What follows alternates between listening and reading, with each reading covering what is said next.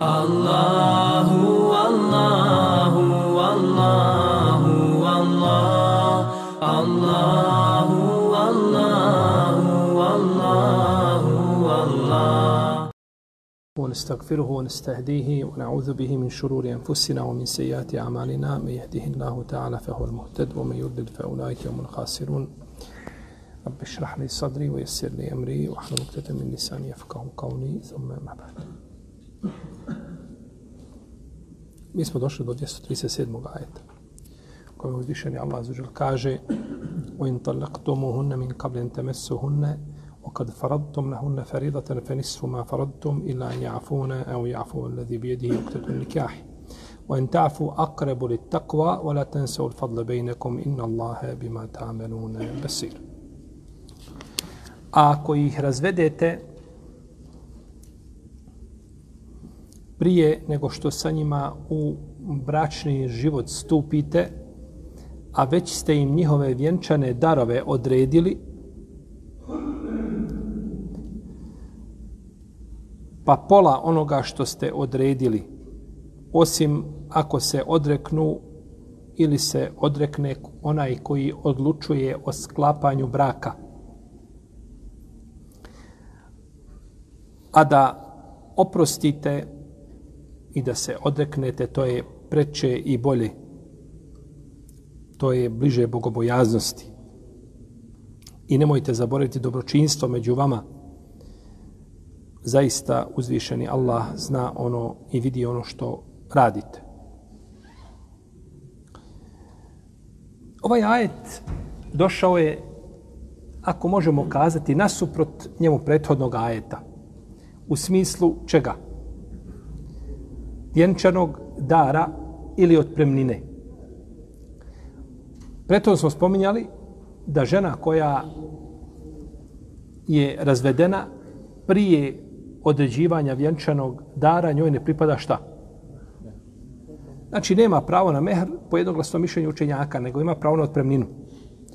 A u ovom ajetu se ovdje spominje žena koja je razvedena, koju je muž razveo, ali joj je prethodno odredio šta? Vjenčani dar, a nije došlo do intimnog odnosa. Pa se spominje ovdje, znači, koliko joj, koliko joj pripada.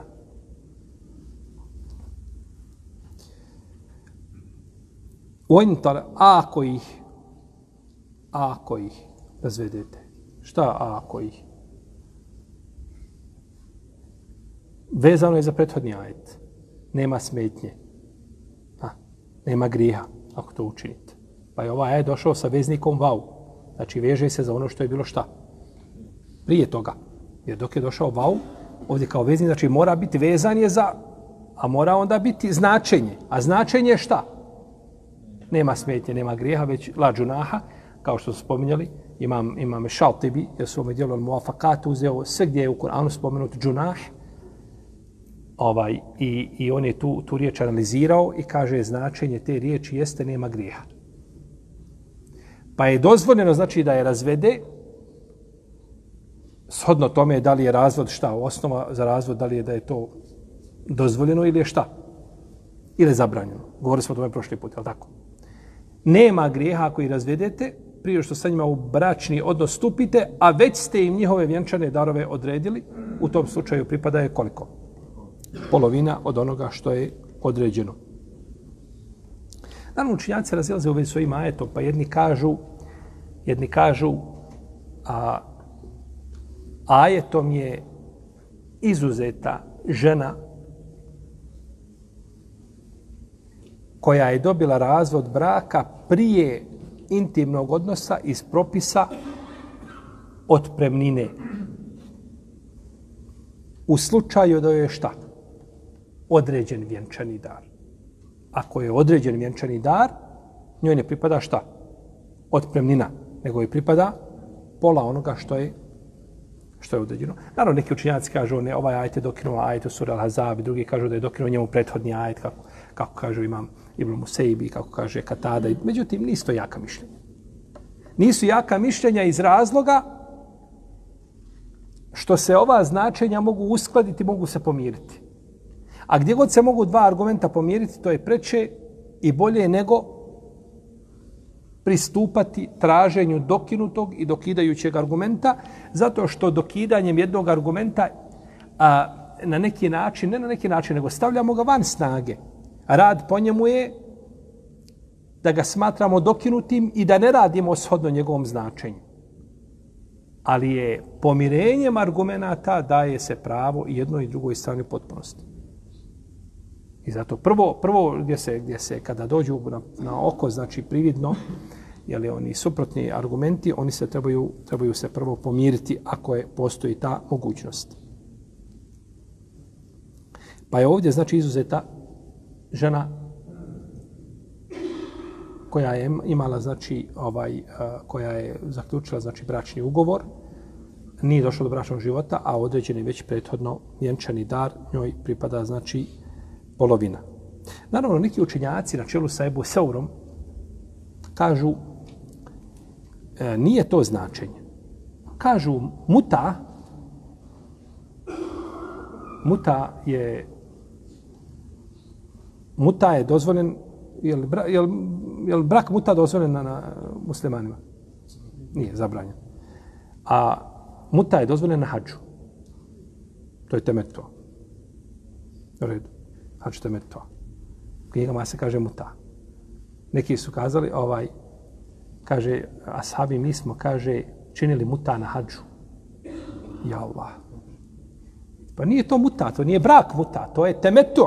Obavljanje hađa i umre šta? Spojeno. Ne spojeno, nego razdvojeno, ali u, u jednom putovanju. I ovdje je muta. Misli se na šta? Na?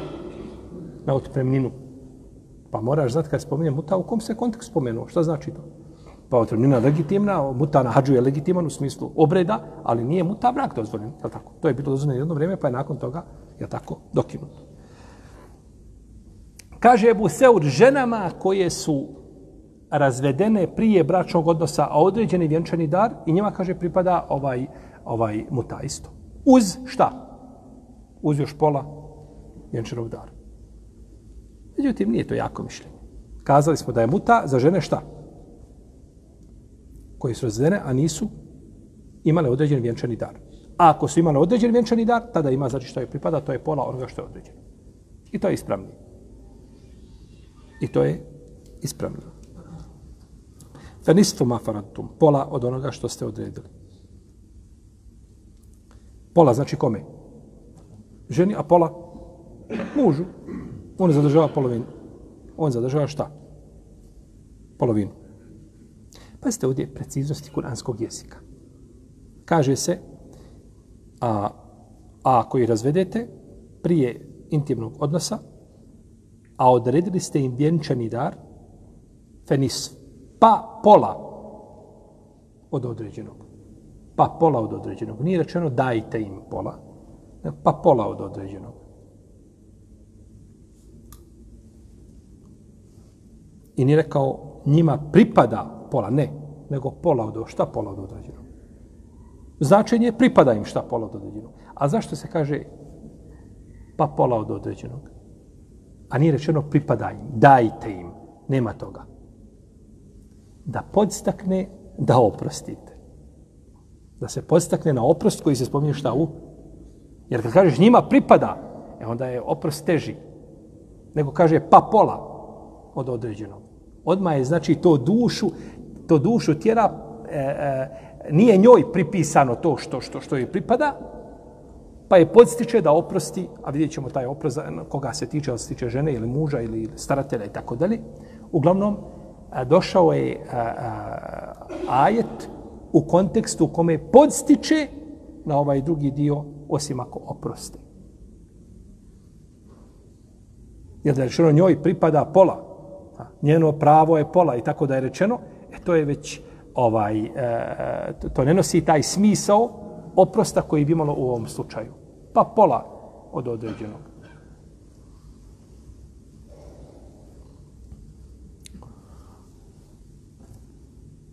Dobro, islamski učinjaci razilaze, čovjek se oženio. Osamio se sa ženom i razveo je u tom, kon, znači, nije, nije bilo bračnog života među njima, ali je bilo osamnjivanje. Postojala je mogućnost bračnog života. Ali se to nije desilo, nego samo samile. Šta je u tom slučaju po pitanju njenog mehra? Kažu učenjaci Kufe ima Malik da joj pripada cijeli mehr. I oslanjuju se pri tome na izjavu Ibn Mesouda koji je rekao, radi Allah ono kaže da su četiri pravedna vladara presudili da kada dođe do zatvaranja vrata ili spustanja zavjese, to je simbolika zašto? Za osamljivanje. Zatvorena vrata, spuštena, nisu se one osamili ako stoje ispred džamije i dvoje pričaju. Je tako? Sjede u kući, ovaj, može i svako vidjeti ko prolazi, vrata otvorena. To nije osamljivanje. Nego vrata su zatvorena ili spust, kod su bile tako zastori, zavis, spušten zastor. Kaže, to se već tretira šta? Osamljivanje. A ako se osame, njoj pripada šta? Pa su gledali na mogućnost da dođe do intimnog kontakta među njima, a nisu gledali da li se to desilo ili šta. Ili se nije desilo. I kažu da su, kažu da su četiri pravedna vladara kazala da kada se zatvore vrata ili spuste zavjese, da ima pravo na nasljedstvo i da treba da ispuštuje iddet. A, kaže autor u tome se kontekst navodi hadis kod Dare Kutnija, kaže spomenut ćemo ga u suri En-Nisa. Spomenut ćemo ga u suri En-Nisa i to je autor spomenuo u šestom tomu. A, koji je hadis kod Dare Kutnija? Hadis je hadis u riječi poslanika sallallahu alejhi ve selleme men kešefe himare imratin fa nazara ilaiha fe kad vođebe sadaku dehale biha ulem lam kaže ko skine himar žene himar je pokrivač glave mahrama to je himar. Kod nas je himar ono što pokriva lice to je pogrešno. To je pogrešan naziv. Himar ono što pokriva lice nikab. A himar je pokrivač glave. Tako je u šerijetu. Pa kaže ti čovjek, moja žena nosi himar, pa kaže, ja, nije, ima raziloženje među lemu. Ma ja, šta si ti dao himaru? Ajša kaže, la yakbelu Allahu salate haidin bi gajri himar. Allah ne prima namaz punoljetne žene bez himara. Šta znači himar? Pokrivaš glave. To je tako u šarijetu. Kaže, kada čovjek skine, znači vidi njeno stidno mjesto A to je kosa. Jer to mora pokriti. I kaže, pogleda u nju, kaže, dužan je da joj isplati mehr. Imao sa njom intimni odnos ili ne imao. I hadis je jasan po tome pitanju. Hadis je jasan, ali nije vjerodostan. Hadis je mursal. Pa jasan, pa ne vrijedi, mora biti jasan i vjerodostojan. Pa je hadis daif. Autor, ovaj hadis koga je spomenuo, je daif. Imam šafija, kaže, ne, ne pripadaju cijeli mehr. I kaže, a, nema pričeka ako, nije, ako nisu imali intimni odnos. Kaže Šurejh, u Kur'anu nema ni vrata ni zavjese.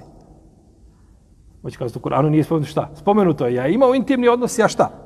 Ja nije, a to vrata zavjese ništa. Kaže, to nije spomenuto u Kur'anu.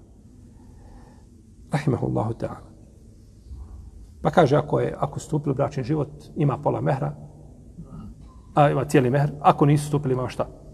Pola mehra, a to osamnjivanje, osamnjivanje, jako veliki broj učenjaka kaže znači da samo osamljivanje ovaj, da žena tim samim, znači od, odvajanjem sa njim u prostoriju gdje može doći do intimnog odnosa, šta zaslužuje cijeli, zaslužuje cijeli, jeli, mehr. Naravno, ovdje se misli da nema prepreke. Kakve prepreke? da ona nije u hajzu. Ili da jedno od njih dvoje ne posti obavezni post. Ja ramazanski, ja na, napaštanje, na paštanje, ja post zavjeta, ja post iskupnine. U tom slučaju a, smisao osamljivanja nije šta? Nije upotpunja, ne može doći poste i to je zabranjeno. Tako, ne može prekidati dobro. Vađi post ne može prekinuti kada želi, nego dobro ni post može prekinuti. Onako je ciklusu ili ovaj, ne, ne može šta. Ili u postporođenom periodu ona se udala. Slobodno se može udati. Dok Porodi se šta? Završava ko? Idet. I nakon toga uda se. I osame se u tom periodu vrijedi. Jer, znači, ne smije biti zapreka da dođe među njima, znači, do intimnog kontakta.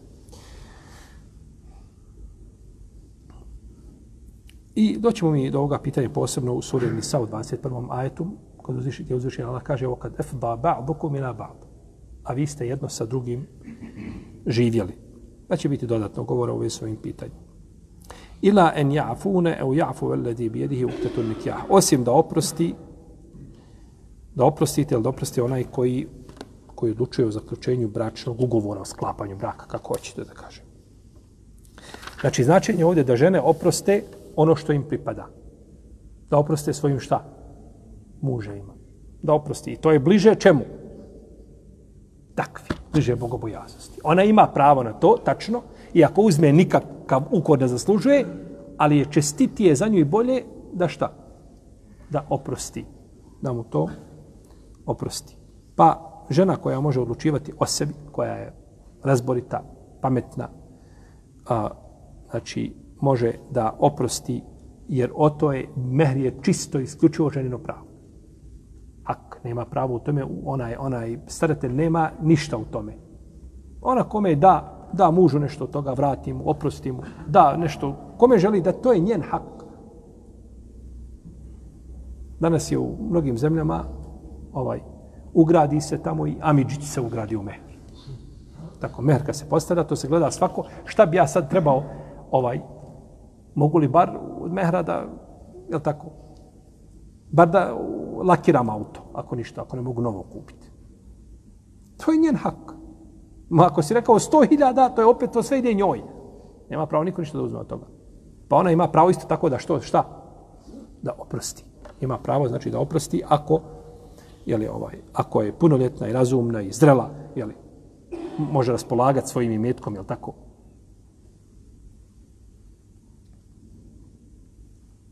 Evo jafu veledi bjedihi uktetu nikah.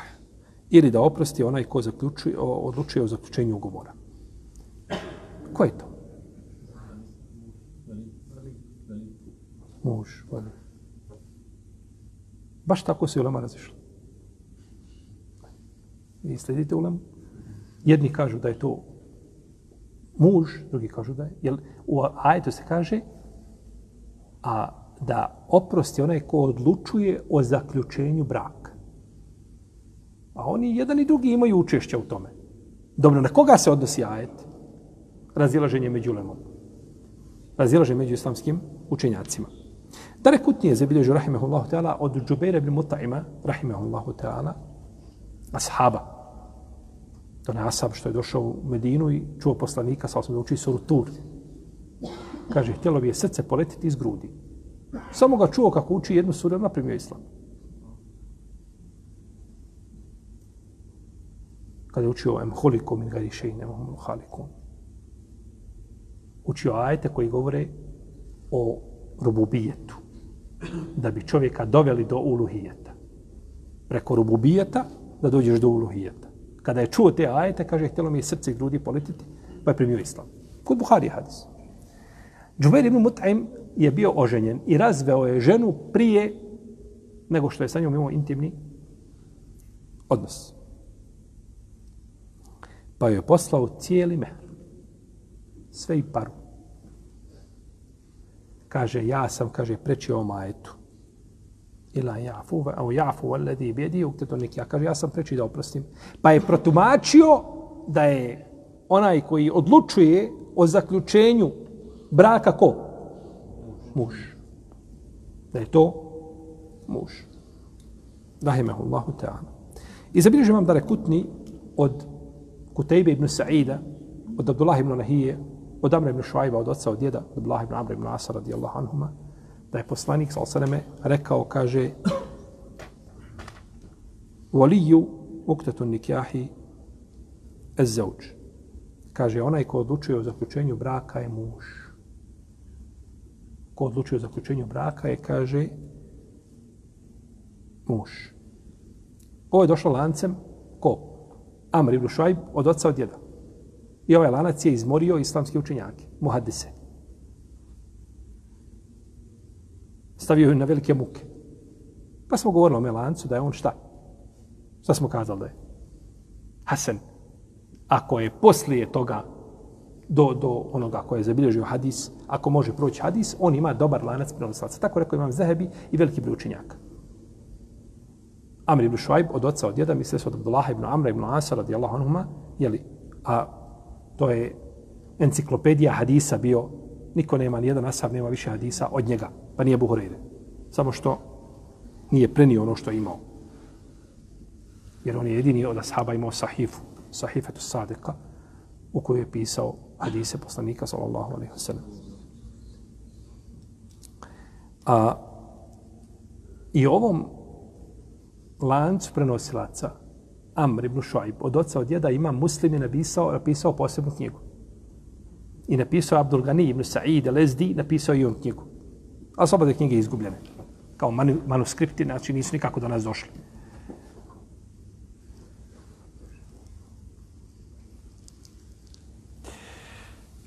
Šta smo kazali? Da Rekutni je zabilježio da je to ko? Muž.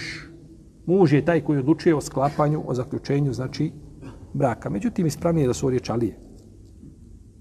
Ovo nisu riječi poslanika, znaš što ovdje u lancu ima Abdullah ibn Lehija, on je bio nepouzdan kod hadijskih slušnjaka. Pa je hadis daif. Pa je hadis šta? Hadis daif, neispravan. Dobro. Vi kažete muž. Ovi što su rekli da, su, da je to muž. Muž daje ili uzima? Daje. Ko oprašta? Onaj koji daje ili onaj koji uzima? Koji uzima? To su učenjaci kazali kako može biti muž? Može biti muž opet. Može biti muž. Zato što muževo je opraštanje šta? Da upotpuni, da da. Baš tako. Da ne škrtari. To je njegov oprost s njegove strane. Ja sam rekao da toliko pripada i ja ti ga halalim. Ne. To je s njegove strane. A s njene strane je opraštanje ako je primila da vrati, a ako nije primila da ne traži.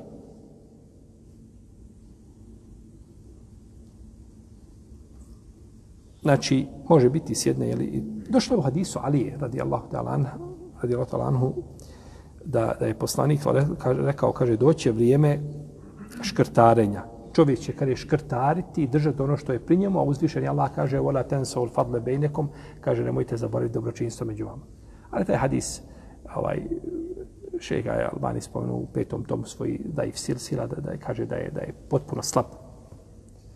Da je potpuno slab. I ovo da rekutni mišljenje prenosi da je to ko? Muž. Prenosi to od Alije, od Ibnu Abasa i od Saida, od Museiba i od drugi. I to je stav mnogih tabina, Tausa, Mujahida, Šabija, Seurija, i za odabroga Ebu Hanife i imam Šafija. Šta oni kažu ovi učenjaci? Da je to ko? Pazite, ponekad dođe riječ, subhano, dođe ajet, nejasan. Nije precizno rečeno ko je i šta je. I to potroši ovaj vremena ovaj u e, jeli, da dođemo do, do, do, do, do pravog značenja. Druga skupina učinjaka kažu ne, to je staratelj. Zašto?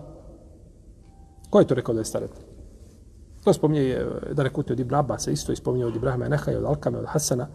Tavusa se to spominje Ibn Zinada, Rebije, Muhammeda Ibn Hasana Šeiba i drugi učinjaka. I to dobro ima Malik i Šafija, što dobro Šafija po starom mezhebu. Kažu da se to odnosi da čovjek može oprostiti mehr, staratelj udao je svoju kćerku, i on može ima pravo šta da oprosti. Kako dokazuju? Kažu, uzvišeni Allah za na početku ovdje kaže šta? Šta je rekao?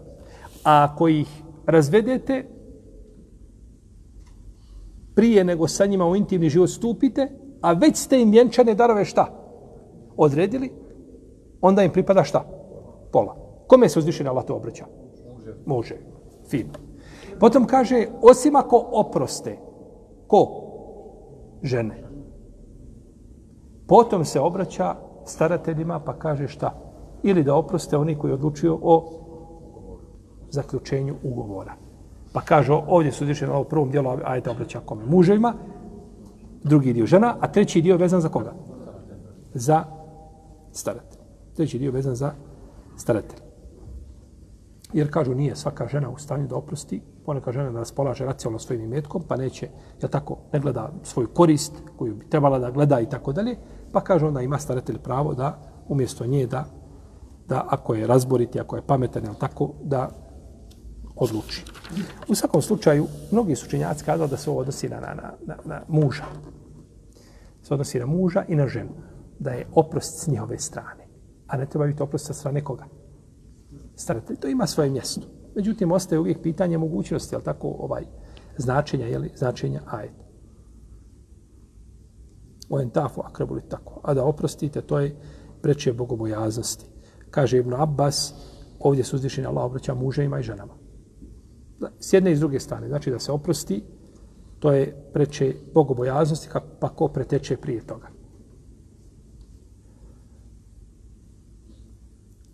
Nemojte zaboraviti dobročinstvo među vama, kaže muđahid, da upotpuniš potpuni mehr. A kaže da žena ostavi polovinu koja je šta? Vi ste dogovorili, ti ako pošliješ polovinu, to je ono što si dužan. To moraš. I to nije, dobro, to, to nije, to nije dobročinstvo. To je obaveza tvoja. A dobročinstvo je šta da daš? Sve što si. A njeno, njeno od nje je dobročinstvo strani da to se vrati. Tako. To je teorija. Teorija, je tako? Teorija. Koja bi trebala biti primijena u praksu. A bojim se da u praksi toga malo. Potom kaže uzvišen Allah za ođel, jer problem je u tome što je lahko slušati kuranske naredbe i hadijske naredbe, a to je teško u životu primijeniti praksi. Nemojte da vas navede mržnja prema jednom narodu da nepravedni budete. Ma kad nekoga mrziš i prezireš, on ne može urati dobro djelo, nikako. Ti njemu moraš u tom dobro djelu iskopati mahan. Jer više nije pitanje djela, nego pitanje ko je uradio to djelo. Kaže uzvišen Azza dalje, u 238. majet kaže Hafidhu ala salavati wa salati musta wa kumu lillahi qanitin i pazite na vaše namaze i na srednji namaz i pred Allahom ponizno stojite. U ovom ajetu uzvišeni Allah zađer naređuje da se čuvaju namaze. A posebna analiza zašto se u ajetima koji govore o, o talaku, o razvodu, spominju namazi. To je za posebne analize u, po, posle ovoga ajeta, opet nakon toga se nastavlja govoriti šta? O istoj tematici. Zašto jedna tematika ide i spomene se druga tematika, pa se nastavi i vrati se na prvu tematiku? I čudno što kada čovjek sluša kuranske ajete, neće, neće mu ovo odudarati od konteksta u kome se spominje. Tebi čovjek priča, vidi ovaj. Na radnom mjestu imam kolegu i pričati i samo jedan put prekine tu priču, kaže, ove godine kad sam bio na mini na hađu, desilo mi se nešto čudno. I opet se vrati i priča o kolegi radnom. Ti ćeš ga početi mjeriti, jel tako? Kazat ćeš, ja sam nije dobro naspavao, ja, nepovezano priča. U Kur'anu nailazite na tematike različite, prepliću se s jedne tematike, ajeti ti prelaze na drugu, nikada nećeš primijeti da ima da ima taj prelaz i da ti ušpara. To je ono što je što je stvarno bunilo mušrike, nisu mogli pojmiti kakav je to govor. Pa su govorili sihr. Opsihrio nas je nečim, da ne možemo to. Ovdje uzvišenje Allah spominje da se paze na namazi. U ajetima koji govore o talaku. Kaže Zaid ibn Arkam, kako bilježi Buhari muslim, kaže, mi smo u prvo vrijeme, kaže, pričalo namazu. Čovjek kaže, došao u namaz, pored čovjeka i dok poslanik uči, on razgovara sa njim. Šta si, kako si? Mogu se pitati, može. Kaže, pa je Allah uzvišen i objavio u kumu lillahi kanitin i pred Allahom ponizno stojite, kaže, pa nam je naređeno da, kaže, ovaj, da šutimo u namazu i zabranjeno nam da pričamo. Pa jedno vrijeme šta bilo dozvoljeno? Da se govori u namazu.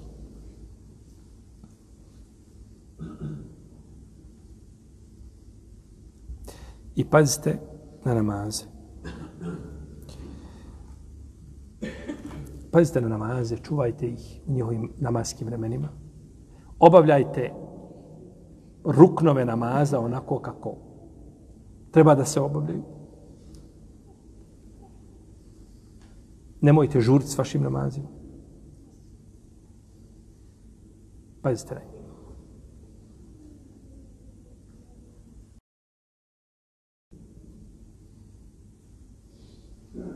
Ala salavat. Mi smo muslimani poraženi iznutra prije što smo poraženi izvana. Sami smo sebe porazili, poraz smo sami sebi, znači ovaj, učinili time što smo zanemarili namaz. Danas muslimanska društva, koliko muslimana klanja u jednom društvu redovno? Statistika procentualna. Da ih je 20%, to je jako malo. A pitanje ima li i 10% od 20%? To je koliko? 2%. Pitanje ima li 2, 3, 4, 5%. Koliko ima, ne znam, to je nagađanje. Da je 50% bela je kad 50% društva ostavi namaz. A pitanje je da li ima muslimansko društvo danas da 50% ljudi klanja redovno pet vakata namaz. Veliko pitanje. Tako da je taj poraz i u društvu, u društvu, u društvu koje ostavi namaz, ne može očekivati nikakav hajr. Nema hajra u tom društvu. Može samo očekivati zlo. Zlo i gore od toga. I ono se kaže hafizu. Hafizu došlo je ovaj naredba koja rezultira trajnim obavljanjem namaza. Da to čovjek stalno čini. Kaže, a, Ibn Abbas u komentaru ajeta Okjana je buhuma saliha, a njihov otac je bio dobar čovjek. Kaže, otac koga? Jutima, dječaka. Nije otac je bio dobar čovjek, pa je Allah sačuvao šta zbog? Zbog babe. Kažu neki mu Fesirinu njih Ibn Abbas, kaže, između ti dječaka i babe njihovog je sedam, sedam onih koljena.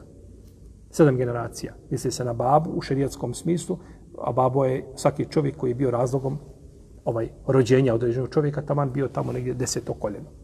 Kao i majka. To je otac. Znači, njihov tamo neki pradedo u sedmom, ko sedma generacija, kažu bio je dobar čovjek. Pa je Allah sačuvao koga?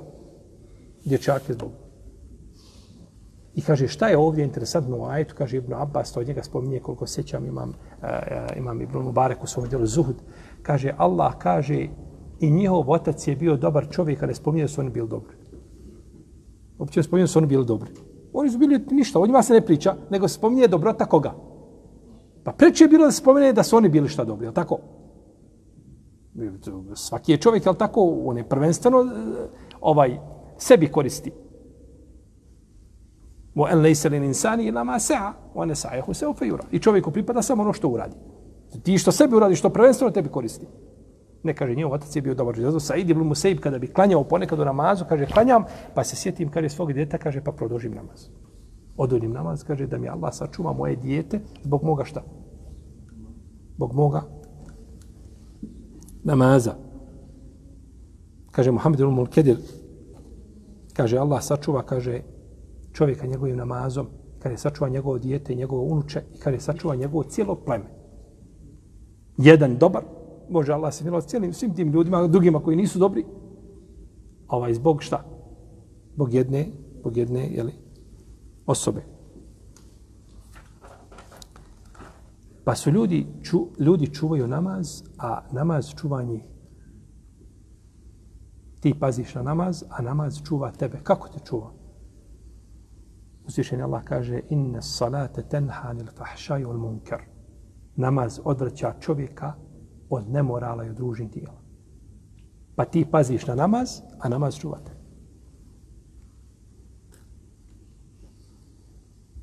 Utlu ma uhije, utlu ma uhije ilajke min al kitabi wa akimisale. Čitaj ono što ti se objavljuje od knjige i obavljaj namaz, zaista namaz čovjeka štiti šta? Od nemoralno ružnih djela.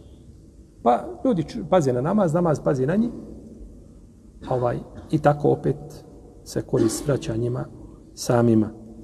Ali da taj namaz znači bude obavljen na način kako je propisan pazite na namaz.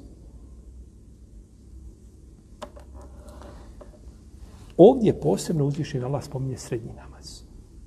Spominje među, znači, između namaza, posebno srednji namaz.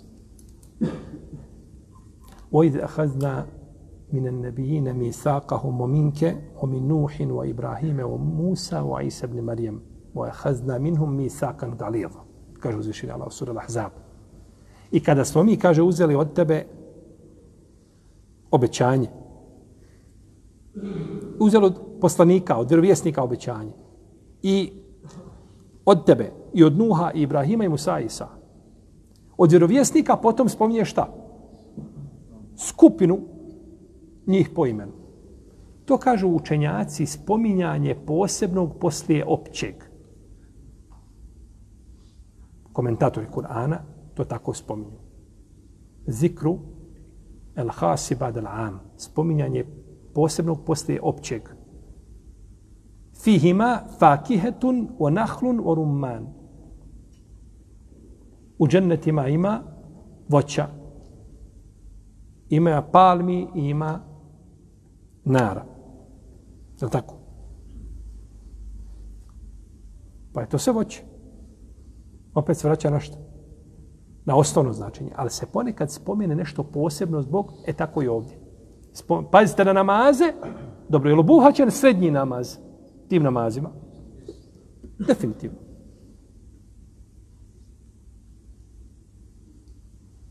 Pa se spominje, znači, da se pazi na posebno srednji namaz. Međutim, veliko je razilaženje koji je to srednji namaz. O kom namazu je riječ? Imam Kurtobi kaže ovdje ima deset mišljenja. Naprotiv, ima više mišljenja. Imam Dimijati, ima knjigu koja zove Kešful Gita, an salat usta. Spomenuo je 19 mišljenja u vezi s ovim pitanjem. A Ibn Hajar je dodao još jedno. 20. Pa 20 mišljenja ima koji je to srednji namaz. Ti pa dobro, ima ih pet, kako može sad biti 20 mišljenja? Otkud 20 mišljenja? Razilaženje znači veliko među učenjacima. Dobro, jesu nas habi znali koji je srednji namaz? Kad im se kaže obavljajte, pazite namaze i srednji namaz posebno. Pa znali su ashabi taj namaz. Da ga nisu znali, pitali. Oko Allahov poslaniče, naređeni me namaz. Koji je srednji namaz? O kome namaz trebam? Pa su znali, to su znali i, i teško je pretpostaviti da ashabi nisu znali koji je srednji namaz. Ili svako od njih da razumije na svoj način, ili je bilo nešto poznato među skupinom ashaba. Pa ćemo doći do toga, jer ovo, ovo, ovo znači, e, spomenut ću ovih deset mišljenja koje je spomenuo autor. Nećemo izlaziti van toga, što je spomenuo vam Dimjati, još dodatno možemo i samo nabrojati kao mišljenja, nije problem. Ovaj, ali spomenut ću ova, ova mišljenja koja je autor spominjao u svome tefsiru. Kad se kaže srednji namaz, razilaženje je problem odakle da počnemo brojati.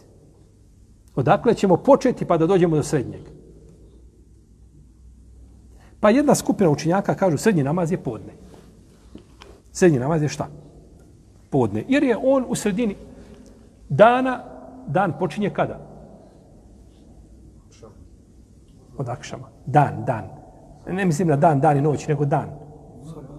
Od zore. Do zalaska sunca. Ovaj. I sredina bude šta? Podne. Jer je tad je sunce šta u? Zenitu. Kažu to je Mi smo govorili tome, je tako, na, ako sjećate na početku, te svi govorili kada počinje šta? Dan. Tome smo opširno govorili mišljenje islamskih učenjaka, ovaj, da, li je to, da, li je to, da li je to izlazak sunca, da li je to nastup zore, pa smo o tome opširno pričali. A kažu, to je sredina, pa se broji, znači zato je on srednji namaz u tom smislu. I kažu, to je prvi namaz, odakle, koji je u islamu obavljen, jer je ta Džibril došao da pouči koga? Poslanika, sa osaname, poznatom hadisu, tako kada je poučavao poslanika, sa osaname, namaskim, namaskim vremenima. I došao Zejda ibn Sabita kod imama Ebu Davuda i kod imama uh, Ahmeda da je rekao, kaže, srednji namaz je, i to kaže Ebu Sezu Hudri, srednji namaz je, kažu, podne, podne namaz. Najjači dokaz učenjaka a, koji kažu da to nije ikindija jeste a, izjava Ajše u kojoj kaže došlo je obavljajte namaz čuvajte namaze i srednji namaz i ikindiju namaz. Pa je ikindija isključena iz čega? Iz srednjeg namaza. Kažu, ovaj namaz je bio težak za muslimane. Naporan. U smislu vrućine, žega, velika. Kada je velika žega, onda je šta? Sunnet da se podne odgodi sužite se podne malo odgodi prema... Pa kažu, bilo napora nama za, za ljude zato što je bila velika vrućina u to vrijeme, pa je zbog toga posebne, posebne vrijednosti. Pa je uzvišen Allah objavio ajet, pazite dobro namaze i čuvajte taj namaz koji vam je šta? Težak. Koji vam je težak. Kaže Zaid, poslanik bi sa osam klanio, kaže podne namaz u vrijeme podnevske žege. I nije, kaže, bio jedan namaz teži ashabima od tog namaza, pa uzvišen Allah objavio ovaj ajet. Tako bilježi mame Budavud s vjerodostojnim lancem prenosilaca. I, znači, to je mišljenje najpoznatije za Ibn Sabita da je to šta? Da je to podne. Imamo dugo da je to i kindija. A, dobro, ovaj u sredini dana. Šta je kindija? Kažu ikindija kindija u sredini namaza. Prije nje imaju dva namaza, posle nje imaju šta? Posle kindija namaz, namaza imaju dva namaza. Ma, znači, prije imamo sabah, imamo podne, posle toga imamo akšam i jaciju. Pa je ikindija kindija onda šta? U sredini. Pa je kindija u sredini. I to se prenosi od, od Ali je to mišljenje, ili tako, od Ibn Omara, od Ebu Hureyre, Ebu Sejda al-Hudrija. Odabrali su ga hanefijski učenjaci. Ebu Hanife, i isto tako imam Ebu Jusuf i Muhammed. I to je mišljenje Šafije i, velik, i većine sledbenika hadijske škole. Odobro su to mišljenje, to je stavi mama Ahmed ibn Hanbala, šehol samo ibn temije, mama Neovija prije njega, Ibn Kajima, Džumhura Tabina, kažu da se radi o kome? O ikindiji namazu. Odobro ga je Ibnul Arabi al-Maliki, suprotno malikijskom mezabu, Ibn Atija al-Endelusi, isto su me al-Muharir al-Vođiz, kad dobro ovo mišljenje, kaže to je mišljenje većine učenjaka, kaže i ja ga podržavam. Da je to šta?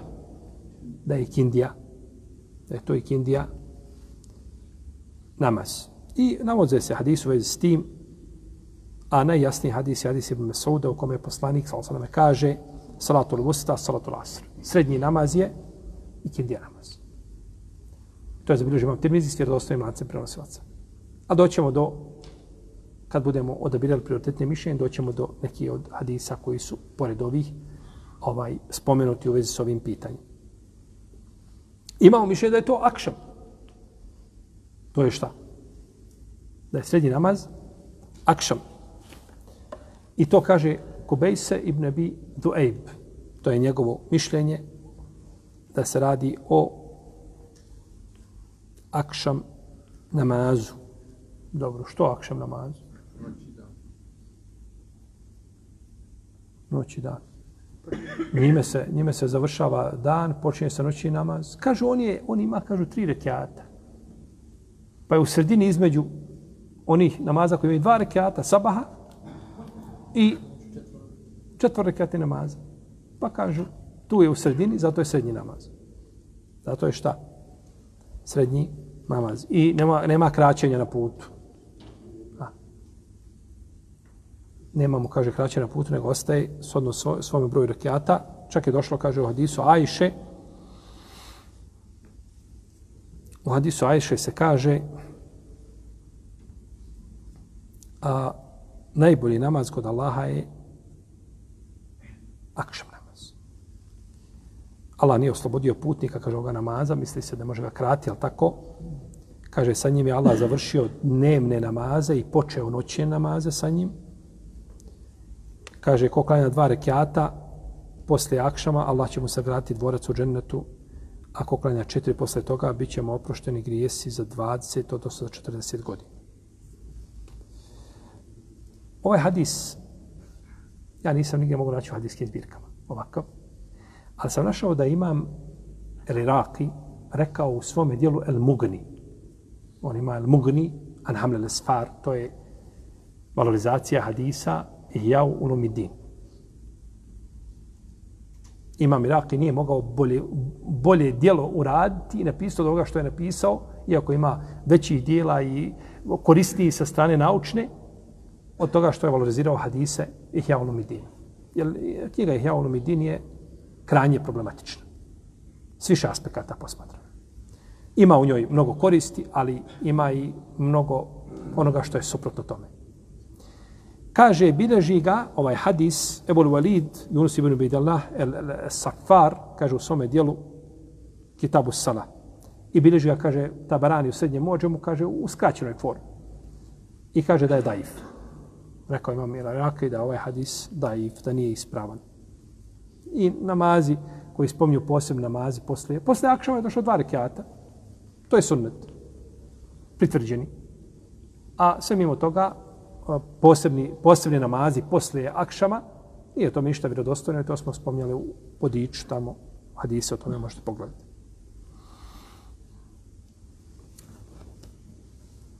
Pa je mišljenje, znači, a Kubejse radijallahu anhu wa rahimahu da je to akšam. Imamo mišljenje da je to jacija.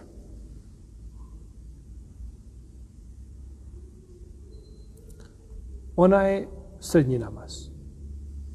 Između, negdje u sredini. Gdje je u sredini? Kažu između dva namaza koji se ne krate. Između akšama šta i? I saba. Kažu i zato je srednji namaz.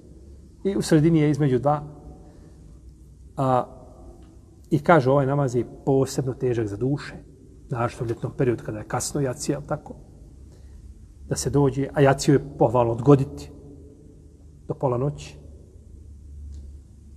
Pa kažu teška, pa je uzvišen Allah posebno šta naglasio jaciju namaz ovim ajetom da se posebno čuva i pazi na jaciju. Naravno, e, e, nema, nema ko zastupa ovo mišljenje. Imam ne u svom dijelu Al-Međmua, spominje imam i ruku dame u, u Al-Mugniju, ovo mišljenje, ali ne, ne pripisuju ga nikome. Tako da, vjerovatno da se radi o nekakvom mišljenju koje je slabije, koje nije nešto bilo poznato među učenjacima. Uprotivno se spominje uvijek ko zastupa određeno mišljenje. Jer određeno mišljenju daje veliku, veliku težinu koga zastupa. Jedno mišljenje odabrao jedan učenjak iz tabi, od tabina ili posle njih, a drugo mišljenje odabrala učenjaci četiri pravne škole. Naravno da, da to daje težinu, da, da nije presudno. Jer riječ učenjaka nisu izvor šerijata. Međutim, ovaj ima svoju znači težinu mišljenje shodno a, broj učenjaka koji su ga odabrali i koji su ga a, učenjaci odabrali. To svakako daje težinu jeli, jednom, jednom mišljenju. Ali ne mora biti presudno odabiri čega? Mišljenja. Ne mora biti presudno. Presudni su dokazi. Presudni su dokazi. Imamo mišljenje da je to sabah. Da je to šta? Saba, Znači pet dnevni namaza pet dnevni znači namaza, sve je šta? Srednji namaz. A, dobro, gdje je on u sredini? Kaže, on je u sredini, on se klanja između dva namaza, između četiri namaza. Na dva se uči naglasa, na dva se uči u sebi. Podne i kindija u sebi, a akšam i acija šta? Naglas. Kaže, on u sredini. Srednji namaz. Vidite da je srednji, da je srednji namaz.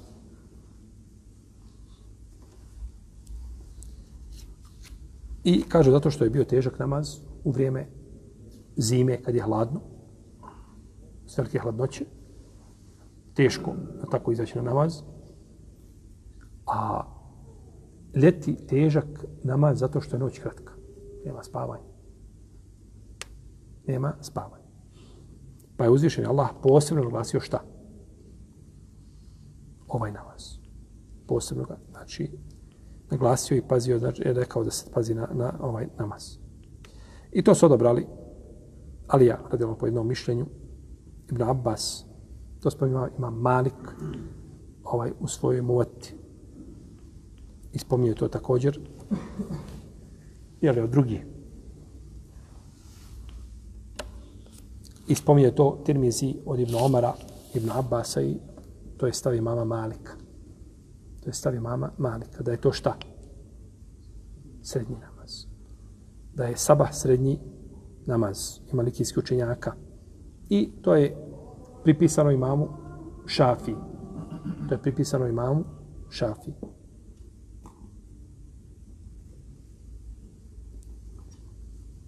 Iako ispravno da li je da je govorio da je to i Kindija. Dobro. A, oni dokazuju to ajetom u kojem uzvišen Allah kaže, u istom ajetu kaže, o kumu lillahi kanitin, i pred Allahom ponizno stojite. Kanitin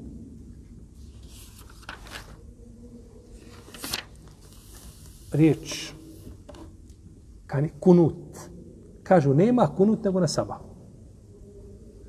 I pred Allahom ponizno stojite. Kanitin, kažu, ovo je kunut. A kunut ima samo šta na sabah. Se jasno vidi da je riječ o čemu? O sabah namazu. Da je riječ o sabah namazu. Kaže Ebu Ređa, klanjao nam je Ibn Abbas, tako bi Muđerir u svome tefsiru. Klanjao nam Ibn Abbas, kaže u Basri sabah namaz. Kaže, pa je učio kunut a, prije rukua. Kunut prije rukua. Iako se kunut uči, ovaj, kod, kod velikog broja učenjaka posle Hanefije kažu prije rukua. I to je ispravnije. Kunut na vitru se uči šta prije prije rukua. To je ispravnije, to je jače. Ali kunut koji se uči za neke nedaće koje pogode muslimane, na sabah namazu on se uči poslije rukua. I na ostali pet dnevni namaza, kako došlo kod imama Ahmeda. Kaže, uklanjao Ibn Abbas, kaže, pa učio ru, kunut prije rukua, dignuti ruku, kaže, pa je rekao, kaže, ovaj namaz je, kaže, namaz na kome nam je Allah naredio da stojimo, stojimo u njemu ponizno misleći na šta na? Na sabah namaz. Misleći na sabah namaz, da je to srednji, jeli, namaz. A u kunut ćemo posebno govoriti suri Ali Imran. Ko, u ajetu kome uzvišen Allah kaže Lej se leke minel emri šeji ništa od tebe ne ovisi. Tu ćemo govoriti o kunutu, jer je tu poslanik, taj ajet je došao povodom kunuta koga je činio poslanik, sa sveme, protiv određenih ljudi spominjući ih. Pa je dobio blagi ukor, sallallahu sallam. Doćemo do toga, inša otala, u suri Ali Imran, bizni lahtala u četvrtom tomu. Imamo i mišljenje da je to džuma. To je šesto mišljenje. Da je to šta? Džuma namaz. Kažu zato što je naređeno okupljanje ljudima I to je, kažu, to je blagdan muslimana, to je vid njihovog bajrama.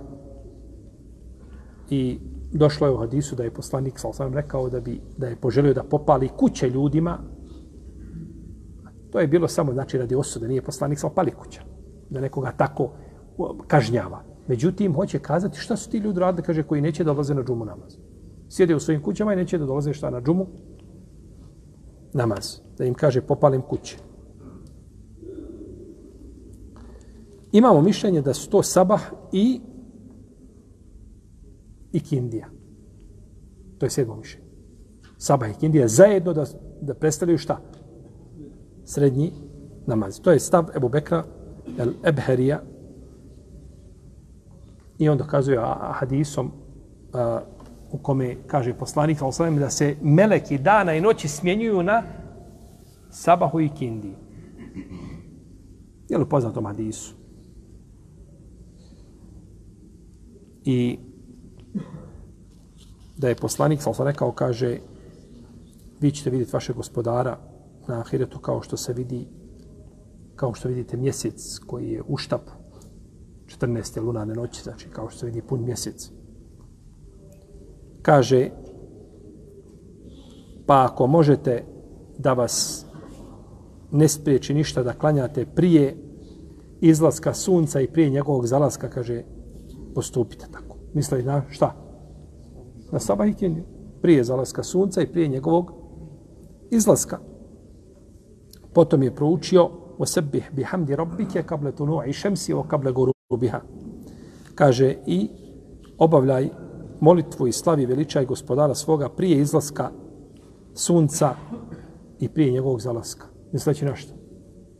Da se može protumačiti da je to sabah i ikindija, tako. Prije izlaska sunca i prije njegovog šta? Zalaska. Prije njegovog zalaska. I prenosi Umar ibn Rojbe radijallahu anhu kako bilježi muslim u svome sahihu Lenjeli nara ahadun salla kable turu aishemsi o kable gurubiha. Neće ući u ni jedan čovjek u džahennem koji klanja prije izlaska sunca, eh, prije izlaska sunca prije njegovog zalaska. Misli na što? Na sabah i kindiju. Na sabah i, i kindiju. Tako. I kako došlo u hadisu, Ebu Musa Lešarja, men dehal al berdejni, men salla al berdejni dehal al džennet. Ko bude klanjao dva hladna namaza, ući u džennet. Misli se na sabah i na ikindiju. Jer se klanjaju početkom i krajem dana i tada, znači, je ovaj vrijeme za namaz lakše nego usred dana. Imamo mišljenje da je to, da su to jacija i saba. Da su to jacija i sama.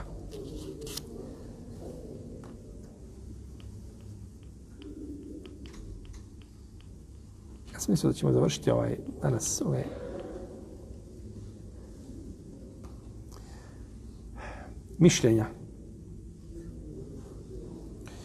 Uglavnom, Ebu Darda kaže radijallahu ta'ala anhu, a bio je na smrtoj posteli, kaže, slušajte, i prenosite onima koji dolaze nakon vas. Ova dva, kaže, namaza, oni su jako bitni, kaže, da znate šta je u njima, dolazili bi, kaže, na te namaze, puzali bi na svojim koljenima i laktovima. Na sabah i na jaciju. I da znaju monafice da je šta je u tim namazima, dolazili bi. To je bilo najteži namaz za njih. Ovaj kasno, ovaj mu rano. Nikad mu goditi, jel tako? I kako došlo u hadisu, ko klanja jaciju namazu džematu ima šta? Nagradu? Pola noći. A ko klanja sabah? Cijelu noć. Mana. Naravno, ovdje je raziložen među lemom. Onaj ko klanja akš, ja, a, jaciju ima pola noći, noću u redu.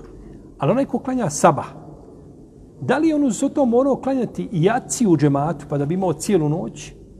Ili mu je dovoljno da klanja samo sabah i da ima cijelu noć? Znači, pa se učenjaci različe. Ko klanja jaciju ima šta? Pola noći. A ko klanja sabah ima cijelu noć. Je to odvojeno ili ima ili je to povezano? Pa se znači učenjaci razišli, je tako? U vezi, u vezi s tim. Ispravno je da nagradu noćnog namaza cijelu noć ima onaj koji je klanjao jedan i drugi namaz. Zato što je došlo u hadisu, koga bilježi imam Ebu Davud i imam Ahmed, i Ahmed Šakir kaže da je vjerodostojan, da je poslanik, sal sam rekao, kaže, ko klanja jaciju u džematu, kao da je klanjao pola noći. A ko klanja jaciju i sabahu džematu, kao da je klanjao cijelu noć. Pa je ova verzija hadisa pojasnila njoj prethodnu koja je šta? Nejasna. I sad znate zašto je rekao Ibn Ma'in, neće čovjek razumjeti hadis dok ga ne sakupi sa stotinu puteva. Zato što hadisi pojašnjavaju jedne druge. Verzije hadisa pojašnjavaju jedne druge. Kao što Kur'an, jedan njegov dio pojašnjava drugi i kao što hadis pojašnjava i Kur'an. Pa je to zato cijelina koju znači ne treba šta? Ne treba razdvajati, nego je treba uzmati znači kao, kao cijelinu. Dobro, imamo još jedno mišljenje. A to je da se da je to svi pet dnevni namaz. Da je to svi pet dnevni namaz. pošto nam se bliži vrijeme ezana, ostavit ćemo to i naredno mišljenje,